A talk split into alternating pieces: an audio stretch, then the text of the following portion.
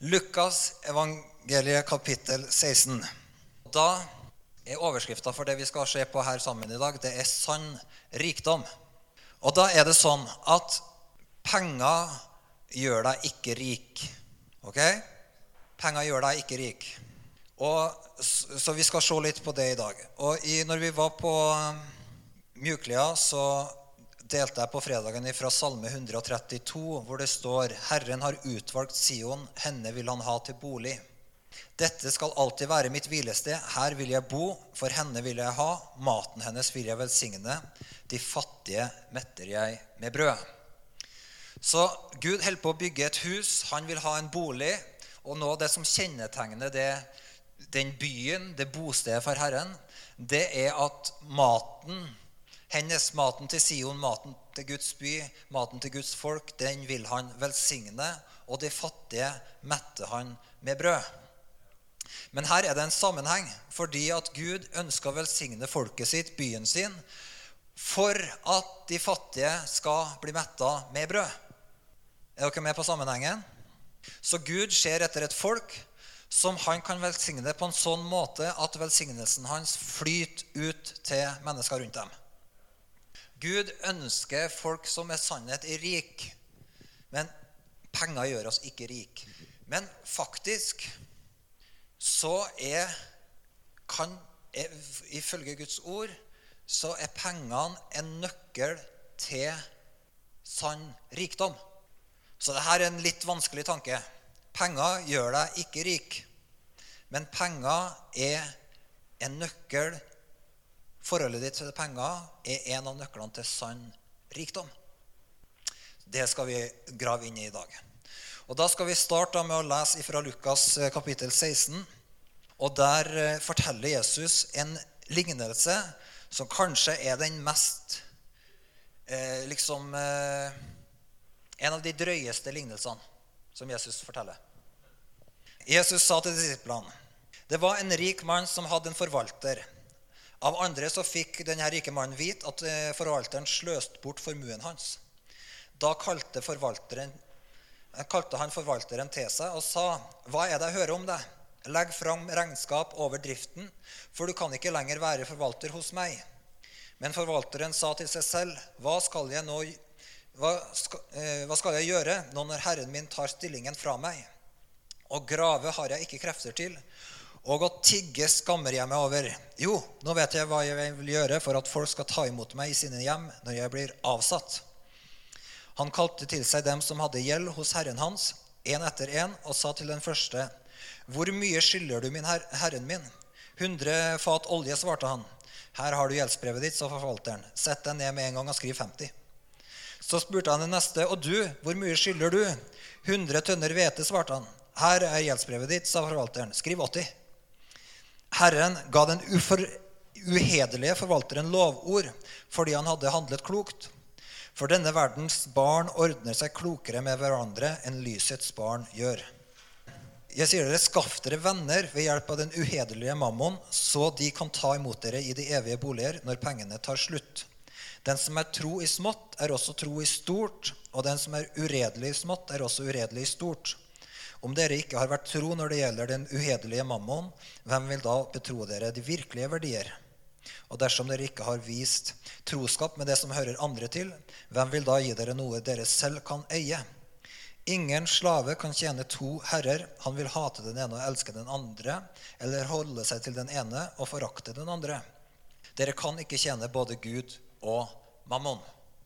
Her forteller Jesus da denne eh, litt merkelige lignelsen om en forvalter. Kanskje, altså Lignelsen i seg sjøl er kanskje ikke så rar, men Jesus sine kommentarer på den syns jeg ved første øyekast er rar. Fordi at Situasjonen er jo at det er en mann som har ansatt et annet mann til å passe på formuen hans. Kornet, oljen, hveten, alt sammen. Forvalte det. Og så oppdager han at denne forvalteren han har opptrådt uredelig. Han har antageligvis da stukket til seg noe og ikke gjort de her tingene på en rett måte. Og så kaller han en inn og sier nå må du komme til meg. På denne dagen skal du komme. Da skal du avlegge regnskap. Jeg vil se deg i kortene over hva du har gjort med pengene mine. Og så kommer denne eh, forvalteren da, skjønner jo at eh, hvis han skal få bokettersyn på det han har gjort i forvalterskapet sitt, så har han kjempetrøbbel. Han kommer til å miste jobben, og han har ingen framtid. Og antageligvis, hvis han var i bransjen av regnskapsføring og forvaltning og liksom eh, finansbransjen, så skjønte han vel at hele mitt gode navn og rykte kommer til å ryke den dagen jeg mister jobben hos denne rike mannen. Og så begynner han å tenke jeg, jeg har ikke lyst til å grave grøfta. Jeg vil i hvert fall ikke tigge. Hva skal jeg gjøre? Hva skal jeg gjøre? Hva skal jeg gjøre? Og så bare kommer han på jeg kommer jo til å miste jobben uansett. Så egentlig, om jeg mister jobben og har liksom de pengene jeg har stukket til meg, ja, ja, da går jeg jo tom etter ei stund. Jeg kommer uansett til å miste jobben. Så om jeg liksom er litt uærlig eller skikkelig uærlig, det betyr ingenting. Jeg mister jobben uansett.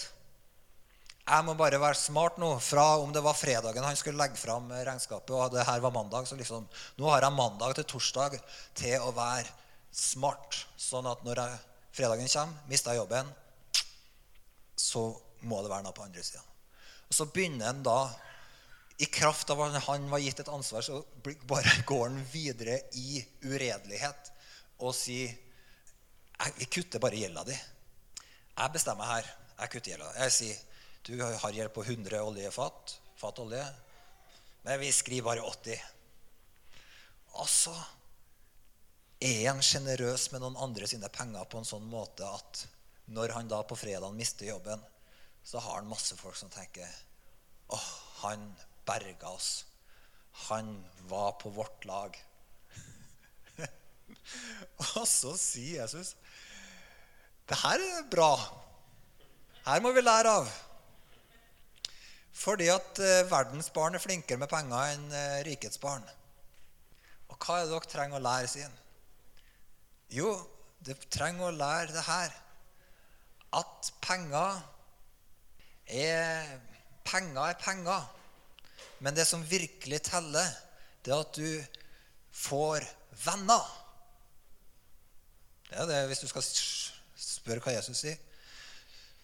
Sørg for å bruke pengene sånn at du får venner. er ikke det interessant? For en lignelse. Så på ene måten så virker det som om Jesus sier de her pengene dem trenger du ikke å bry deg så hardt om. Det er ikke så viktig. Bare tenk på han her forvalteren som var uærlig.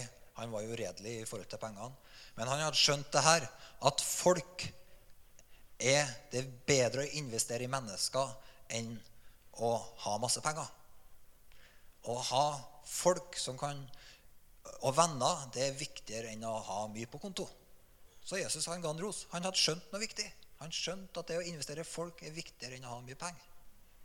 Men så, når Jesus går videre, da, så sier han her at så sier han jo 'skaff dere venner ved hjelp av den uhederlige mammon', så de kan ta imot dere i de evige boligene når pengene tar slutt.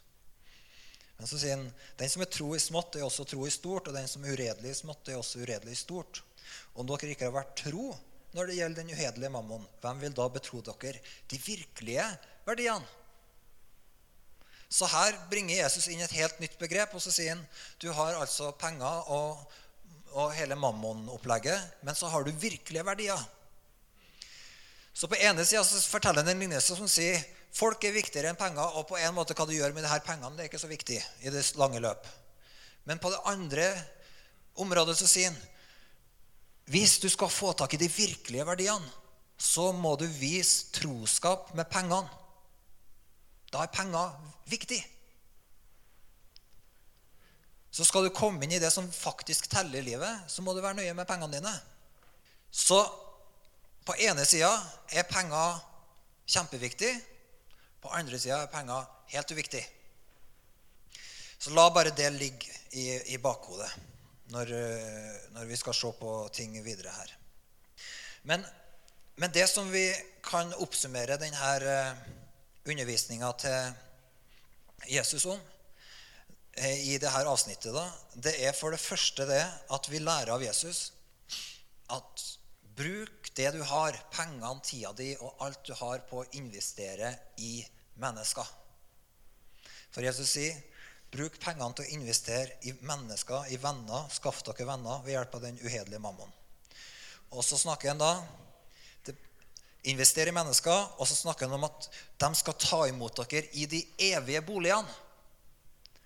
Så det er prinsipp to vi lærer av Jesus her. Det er at du må bruke pengene dine sånn at det har effekt for evigheten. Sånn at det er en, en side ved penger som bare er en slags sånn pengerundene som foregår liksom i livet. Penger inn, penger ut, penger inn, penger ut. Men Jesus sier bruk det sånn at det har betydning for evigheten. Så når du ser på de pengene som du er satt til å forvalte, så må du tenke for det første hvordan kan jeg bruke det her bl.a. til å investere i mennesker sitt liv? Og for det andre hvordan kan jeg bruke det her for å investere på en sånn måte at det gir en evighetsavkastning? Det er mye lurer. Så hvis du leser sånn finansrådgivning i, i f.eks. Eh, VG pluss, eller hvor du får finanstipsene dine hen, så vil du bare få råd som hjelper deg fra nå og fram til du dør. Altså kanskje litt tips på fordeling av arv. Ok? Og noen av de tipsene kan være ganske nyttige og bra. Fordi Hvorfor sier du det, Håvard? Jo, fordi Jesus sier det. Denne verdens barn er flinkere med de greiene der enn rikets barn.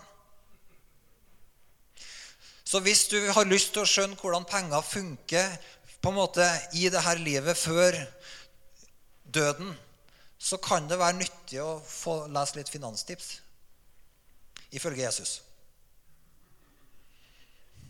Men ingen av de tipsene der vil hjelpe deg til evig avkastning. Så de har en veldig veldig begrensa verdi. Men Jesus ønsker da å hjelpe oss inn i en forståelse at vi investerer livet vårt og pengene våre på en sånn måte at vi får en evighetsverdi ut av det. Så en så ubetydelig ting som penger kan transformeres til noe som har evig verdi for livet ditt.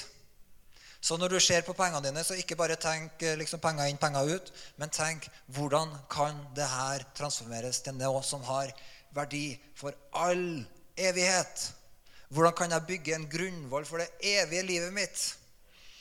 Så du vet, I en sånn etableringsfase Har dere hørt det uttrykket? Eh, jeg husker det når vi var nygift, så var det noen av våre nære som sa ja, jeg husker når vi var i etableringsfasen. da Implisitt at nå var det vår tur å være i denne etableringsfasen. Og i denne etableringsfasen så er det mange sånne ting som man trenger. på en måte, ja, ja I etableringsfasen så så trengte vi å kjøpe oss møbler, og vi måtte kjøpe glass og bestikk og fat og kaffeservise. Og, og, og, Det er en litt sånn eh, romantisk periode av livet der man på en måte bygger en slags grunnvoll for det som kommer. da. I etableringsfasen så kjøper man seg sprinkelseng kanskje og sånne ting. da. Eh, eller eh, legger penger i aksjefond som man kan ha når man blir osv. Men Vet dere at hele livet ditt er en sånn etableringsfase? Fordi at Jesus snakker om noen sånne evige boliger. Så egentlig så er hele livet ditt er, Du er i en sånn etableringsfase.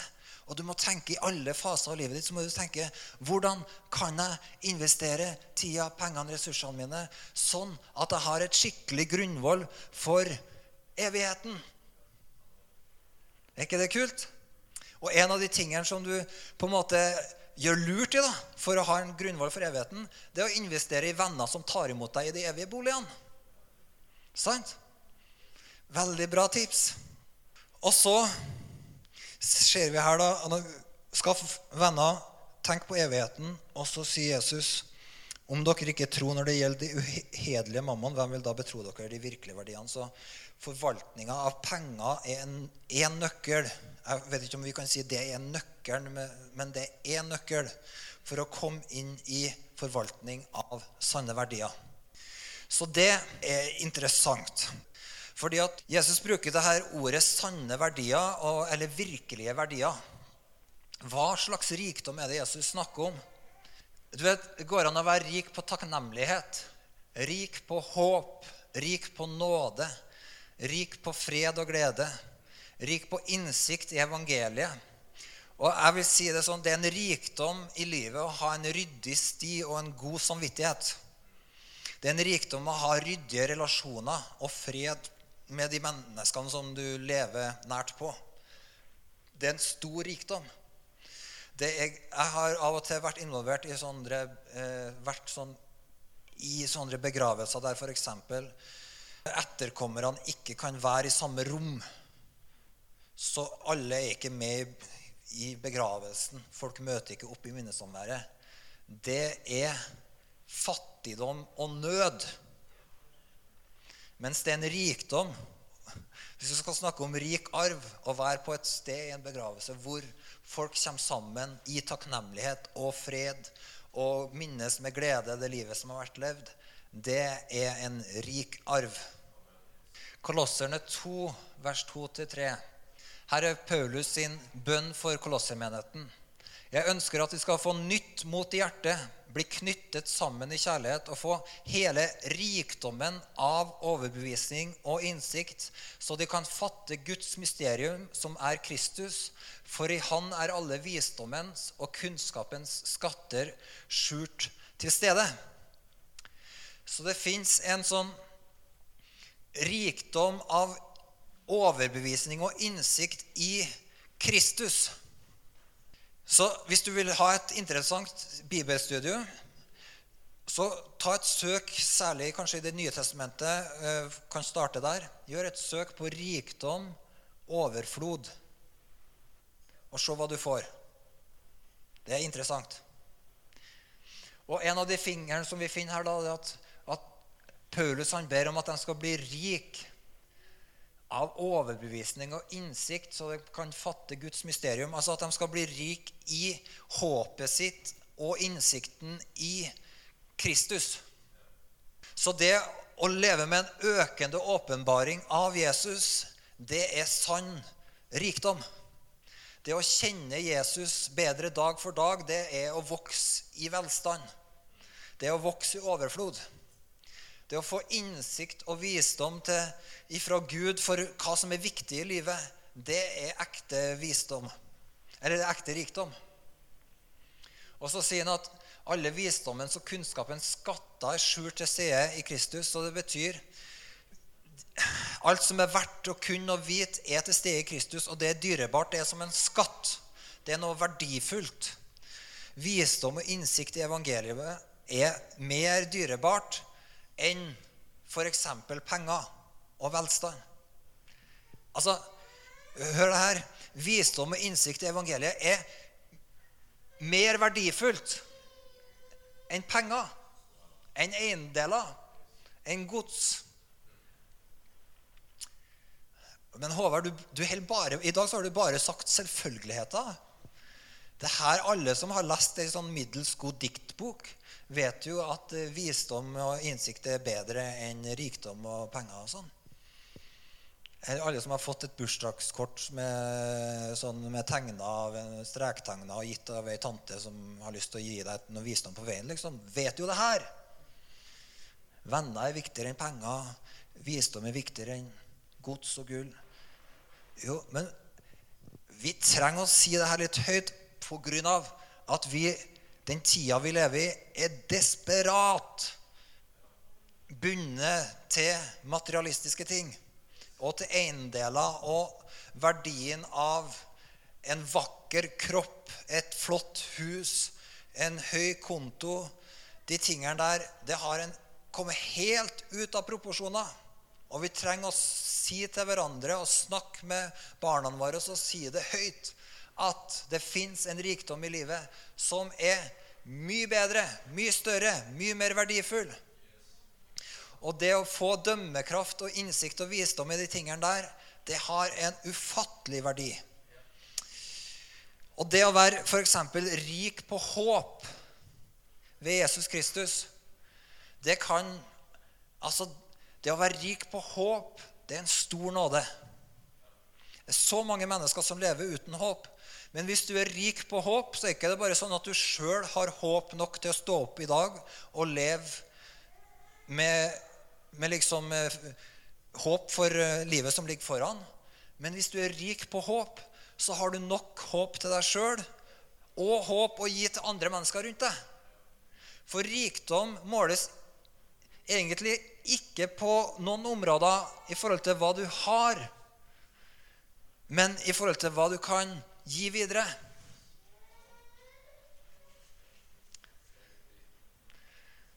Så hvis du er rik på håp, så er det ikke bare sånn at du sjøl har håp. Men hvis du er rik på håp, så er det sånn at du har håp å bringe til mennesker rundt deg.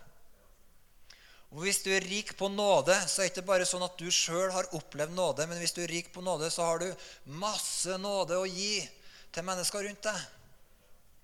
Og hvis du er rik på fred og glede, så er det ikke bare sånn at du legger deg med fred i hjertet ditt om kvelden og, og, og gleder deg om når du står opp om morgenen, men da har du fred og glede å bringe til mennesker rundt deg. Fordi at det er en rikdom der. Det er en overflod der. Det er sånn Jesus er. Han har overflod på alle de her viktige, dyrebare tinga. Vi trenger å løfte fram denne sanne rikdommen og snakke varmt om den. Og, og skryt av den. Skryt av håpet ditt. Del freden din. Vær raus med nåden din. Takknemlighet er et uttrykk for rikdom. Og det har veldig lite å gjøre med hvor mye du har. Takknemlige mennesker er rike mennesker. Ingen slave kan tjene to herrer. Han vil hate den ene og elske den andre, eller holde seg til den ene og forakte den andre. Dere kan ikke tjene både Gud og mammon. Så rikdommen har med seg et sånt eh, den, Bibelen snakker om at rikdommen har med seg et bedrag. Og den ønsker å opptre som en herre. Så rikdommen i utgangspunktet er penger og rikdom. Det materielle rikdom da, det er ment til å være noe som på en måte er under mennesket sine føtter. Gud er herre. Mennesket er satt under hans styre. Og skaperverket, pengene, alt, maten, alt er under våre føtter igjen. Er dere med? Vi er skapt til å forvalte det. Det er skapt til å være en tjener for oss. Utfordringa er at det skapte i fallet så ble mennesket på en måte en slave av skaperverket. Du finner det i forbannelsen som kom over Adam allerede i skaperverket. Så sier Herren til ham at, at du skal være trell. Du skal nære deg av jorda, men du kommer inn i et sånt trellforhold til den. Du blir en slave under den jorda som du er skapt av. Sånn at, Og rikdommen og penger er en ubarmhjertig herre og Jesus sier at hvis man begynner å tjene den, og har et hjerte som på en måte styres av penger, styres av frykt for morgendagen og styres av det materielle så når, Av og til så sier Jesus penger her, og av og til sier han mammon. Og når han sier penger, så mener han cash. Og når han sier mammon, så mener han hele det materialistiske systemet som ønsker å styre livene våre istedenfor Gud. Er dere med?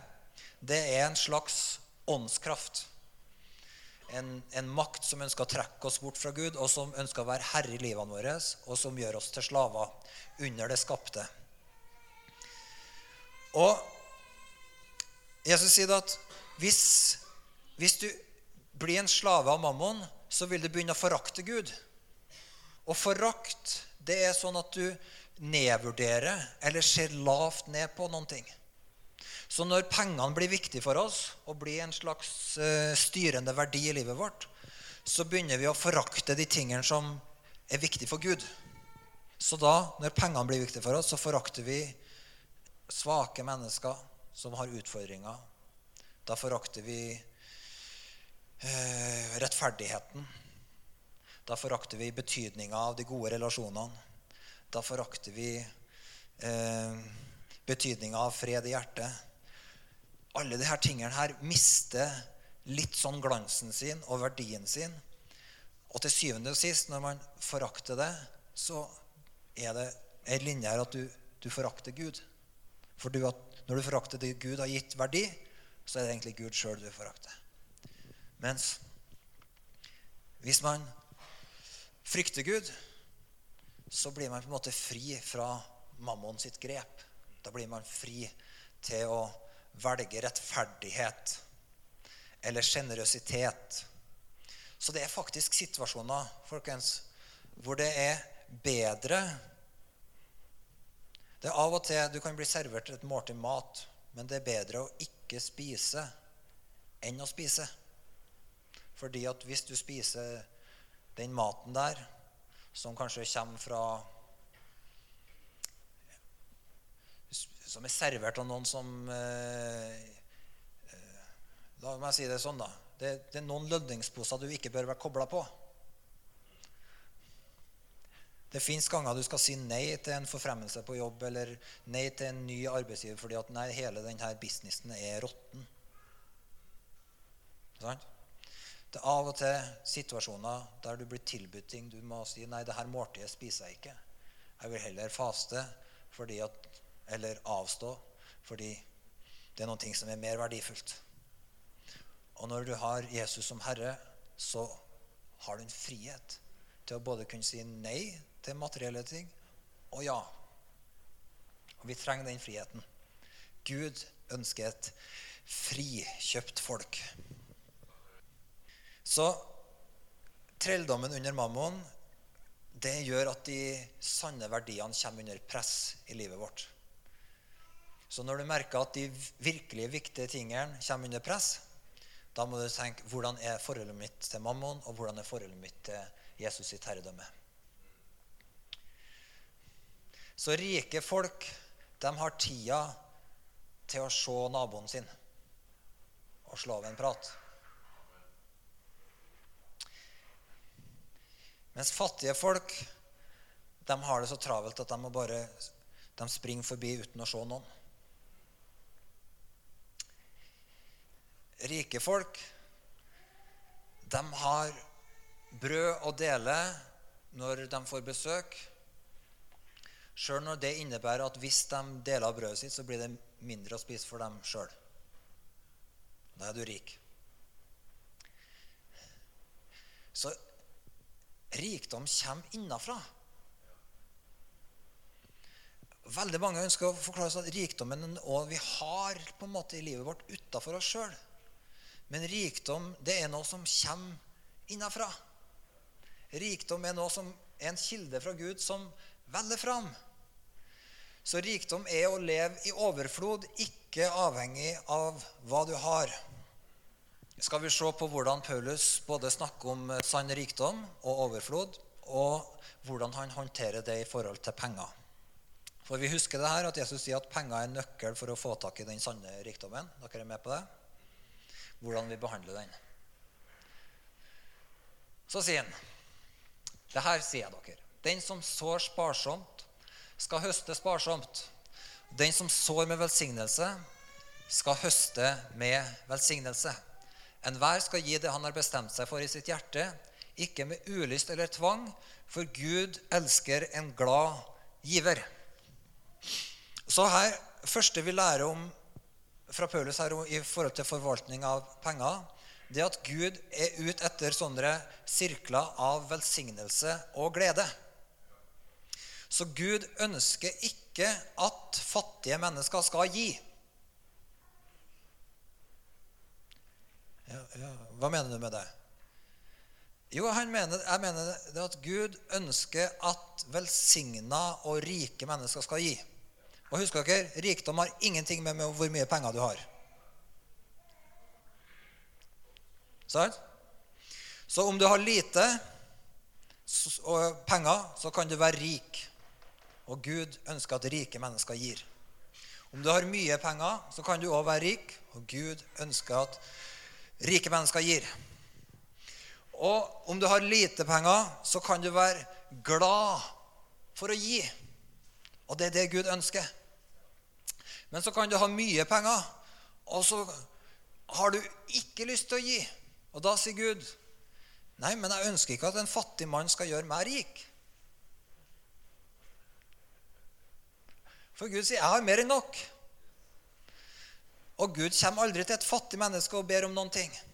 Han sier 'her er velsignelse', og så sier han 'her er velsignelse i overflod'. Og så sier han, hvis du har lyst, så kan du bli med og gi.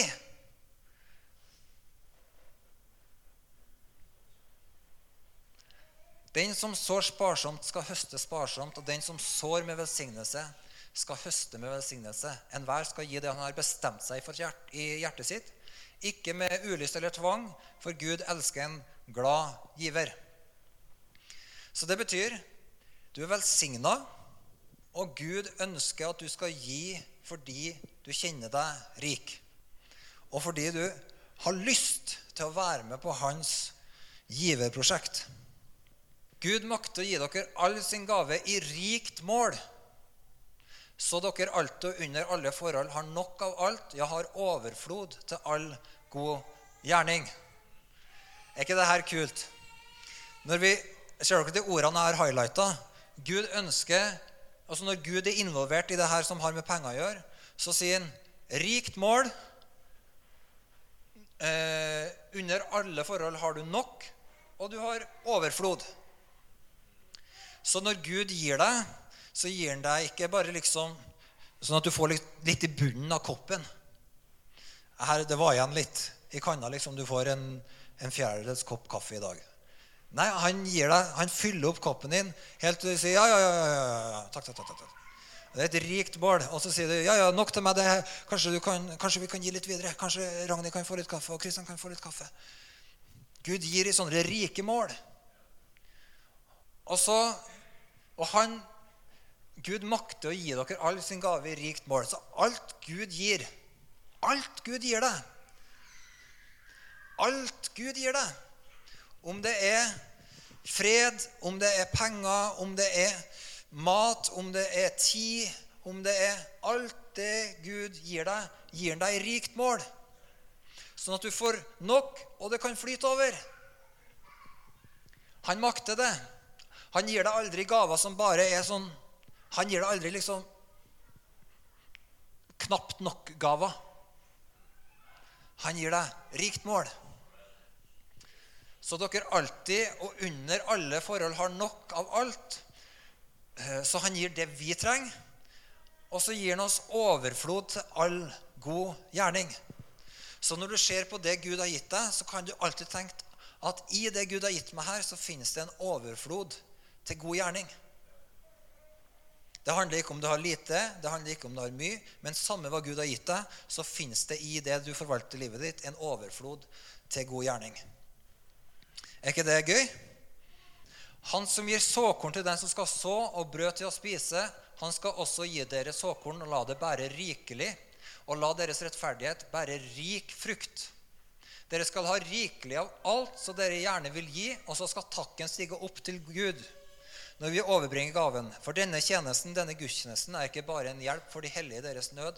Den skaper også en overflod av takk til Gud. Så du vet, såkornet og brødkornet, det ser helt likedan ut. Du får korn, og av noe baker du brød, og av noe sår du marka di.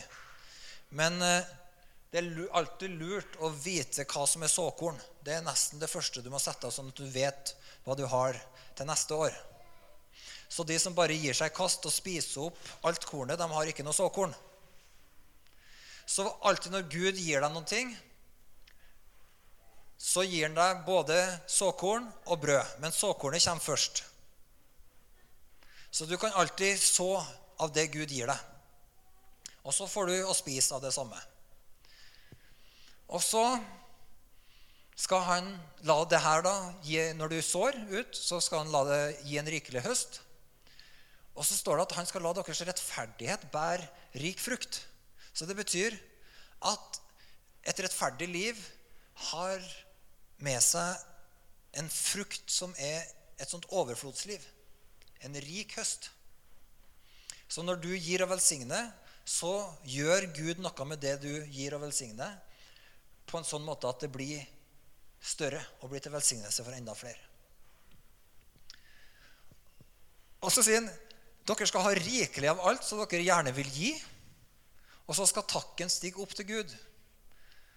Og den så avslutter med å si at den skaper også en overflod av takk til Gud.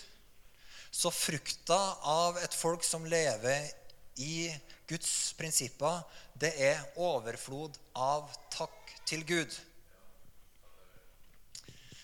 Så for å kommentere bare på det siste Du kan ha lite penger og bli knytta til Gud gjennom at du går gjennom perioder av, av eh, nød.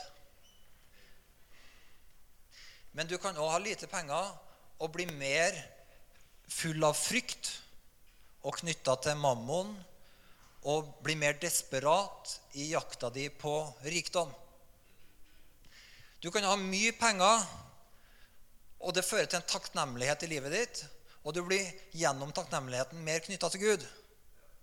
Men du kan, og gjennom at du får del i gleden av å gi og så ut, så kjenner du en styrking av en glede i fellesskapet med Gud. Men du kan òg ha overflod av rikdom av penger og sånn, og oppleve at det tar deg bort fra Gud. Ikke dem i seg sjøl, men fordi at du begynner å stole mer på din egen kraft. At du stoler mer på pengene dine enn på Gud. At du blir opptatt av å ta vare på det du har fått, istedenfor at du blir redd for å gi og redd for å så ut. Men, men, men, så, men effekten av et rett forhold til såkornet og brødet, det er at i alt som skjer, så blir det en takknemlighet til Gud. Og takknemligheten knytter mennesker til Jesus. Her skriver Paulus om menigheten i Makedonia. Vi vil nå gjøre kjent for dere søsken hvor stor nåde Gud har vist menigheten i Makedonia. For i sin nød ble de hardt prøva, men deres overstrømmende glede og dype fattigdom har gjort dem rike og villige til å gi. De ga etter evne, ja, over evne og frivillig. Det kan jeg bevitne. De ba inntrengende om å få bli med på gaven og tjene de hellige sammen med oss. Er ikke det rørende? Her står det at i sin nød og dype fattigdom så hadde de en overstrømmende glede. Og det har gjort dem rik og villige til å gi. Wow. Dette er sånn bønn som jeg ber for mitt liv. Herre, fyll meg med overstrømmende glede, som gjør at jeg får del i rikdommen som gjør meg i stand til å gi. Og den har ingenting Her beskriver de en menighet som var i dyp fattigdom. Men de hadde en overstrømmende glede. Og de hadde en stor nåde. Og de kom til et sted i at de hadde gleden sin som skudd, så kom de til et sted der de ba inntrengende. For de oppdaga det her fantastiske riket av velsignelse. Så oppdaga de vi kan også bli rik. Vi kan også være med å skape forandring. Vi kan òg være med å så ut. Og så kom de inn i et sånt velsigna liv der de ba inntrengende om å få bli med på gaven. Så du ser for deg Paulus som tenker bare ja, Nei, men dere vi, vi, trenger egentlig å ta opp et offer til dere òg. De fattige i Jerusalem trenger penger. Og så kommer Makedonia-menigheten på banen og sier ah, men vi har penger. Og Paulus ser på dem og sier dere har jo knapt mat å spise. Og så sier han ja, men vi, jeg har noen andre menigheter, som kanskje i Filippi og andre plasser, som de er gode, de er gode givere osv. Så, videre, og så, så, sier han nei, men Paulus, kan vi få være med? Kan vi få være med å legge til side? Kan vi få være med å så? For vi òg vil stå med i tjenesten for de hellige. Så jeg tror Gud ser etter det her folket som bare kjenner denne eh, rikdommen. Og som forstår de sanne verdiene. Og som ut fra en overstrømmende glede kobler på i det Gud gjør, og vet at det mest dyrebare vi kan være med på, det er å, få gi inn i Guds rike. Mest, den største gleden vi kan ha, det kan være med å stå med i tjenesten for de hellige. Og som ikke bare da gir ut fra hva som er på kontoen, men som har et hjerte som har blitt rikt på takknemlighet, rikt på fred, en overflod av glede, og som gjør at det alltid er nok, uavhengig av økonomi. Og den tida som vi lever i i dag i Norge, da når det strammes litt til i økonomien i landet vårt Personlig så tror jeg Gud har sin hånd i det. Gud er så god. Folkens, Det er ting som er mye, mye mer verdifullt enn penger. Og Gud er så god at han ønsker å vende denne nasjonen til seg. Så vi kan skjønne som Jesus penger betyr ingenting. Men penger er veldig viktig. Og i det her så Nå går vi inn i en evig en tid hvor alle arbeidstakere går rundt og roper mer lønn, større krav, mer, mer, mer, mer. Og noen sier, roper ut 'Vi har for lite. Vi har ikke nok.' Men i det så reiser Gud opp et folk som sier, 'Vi har nok.' Ja, hva mener du med det? 'Vi har nok.' Ja, men har ikke du samme lønna som meg? 'Vi har nok.' Ja, men merker ikke du at prisene stiger? 'Vi har nok.' Kom og spis! Ja, men, ja, men, ja, men. Hør her. Hallo. Vi har nok. Her er det overflod. Ja, Blir ikke du bekymra av alle rentene og rentene? Nei, her er det håp. Vi har masse håp. Ja, vi har håp til deg òg. Ja, vi har håp til deg òg. Bare kom. Masse håp. Ja, Legger ikke du deg med uro i hjertet? Vi har glede. Vi har glede. Masse glede. Bare kom. Helt gratis. Kom, kom. Masse. Bare kom. Vi har så mye. Vi har nok. Kom. Vi har overflod. Gud reiser opp huset sitt. Han sier, 'Jeg har utvalgt Sion'. Hennes brød vil jeg velsigne, sånn at de fattige kan få mat. Og det folket har Gud kalt oss til å være. Amen.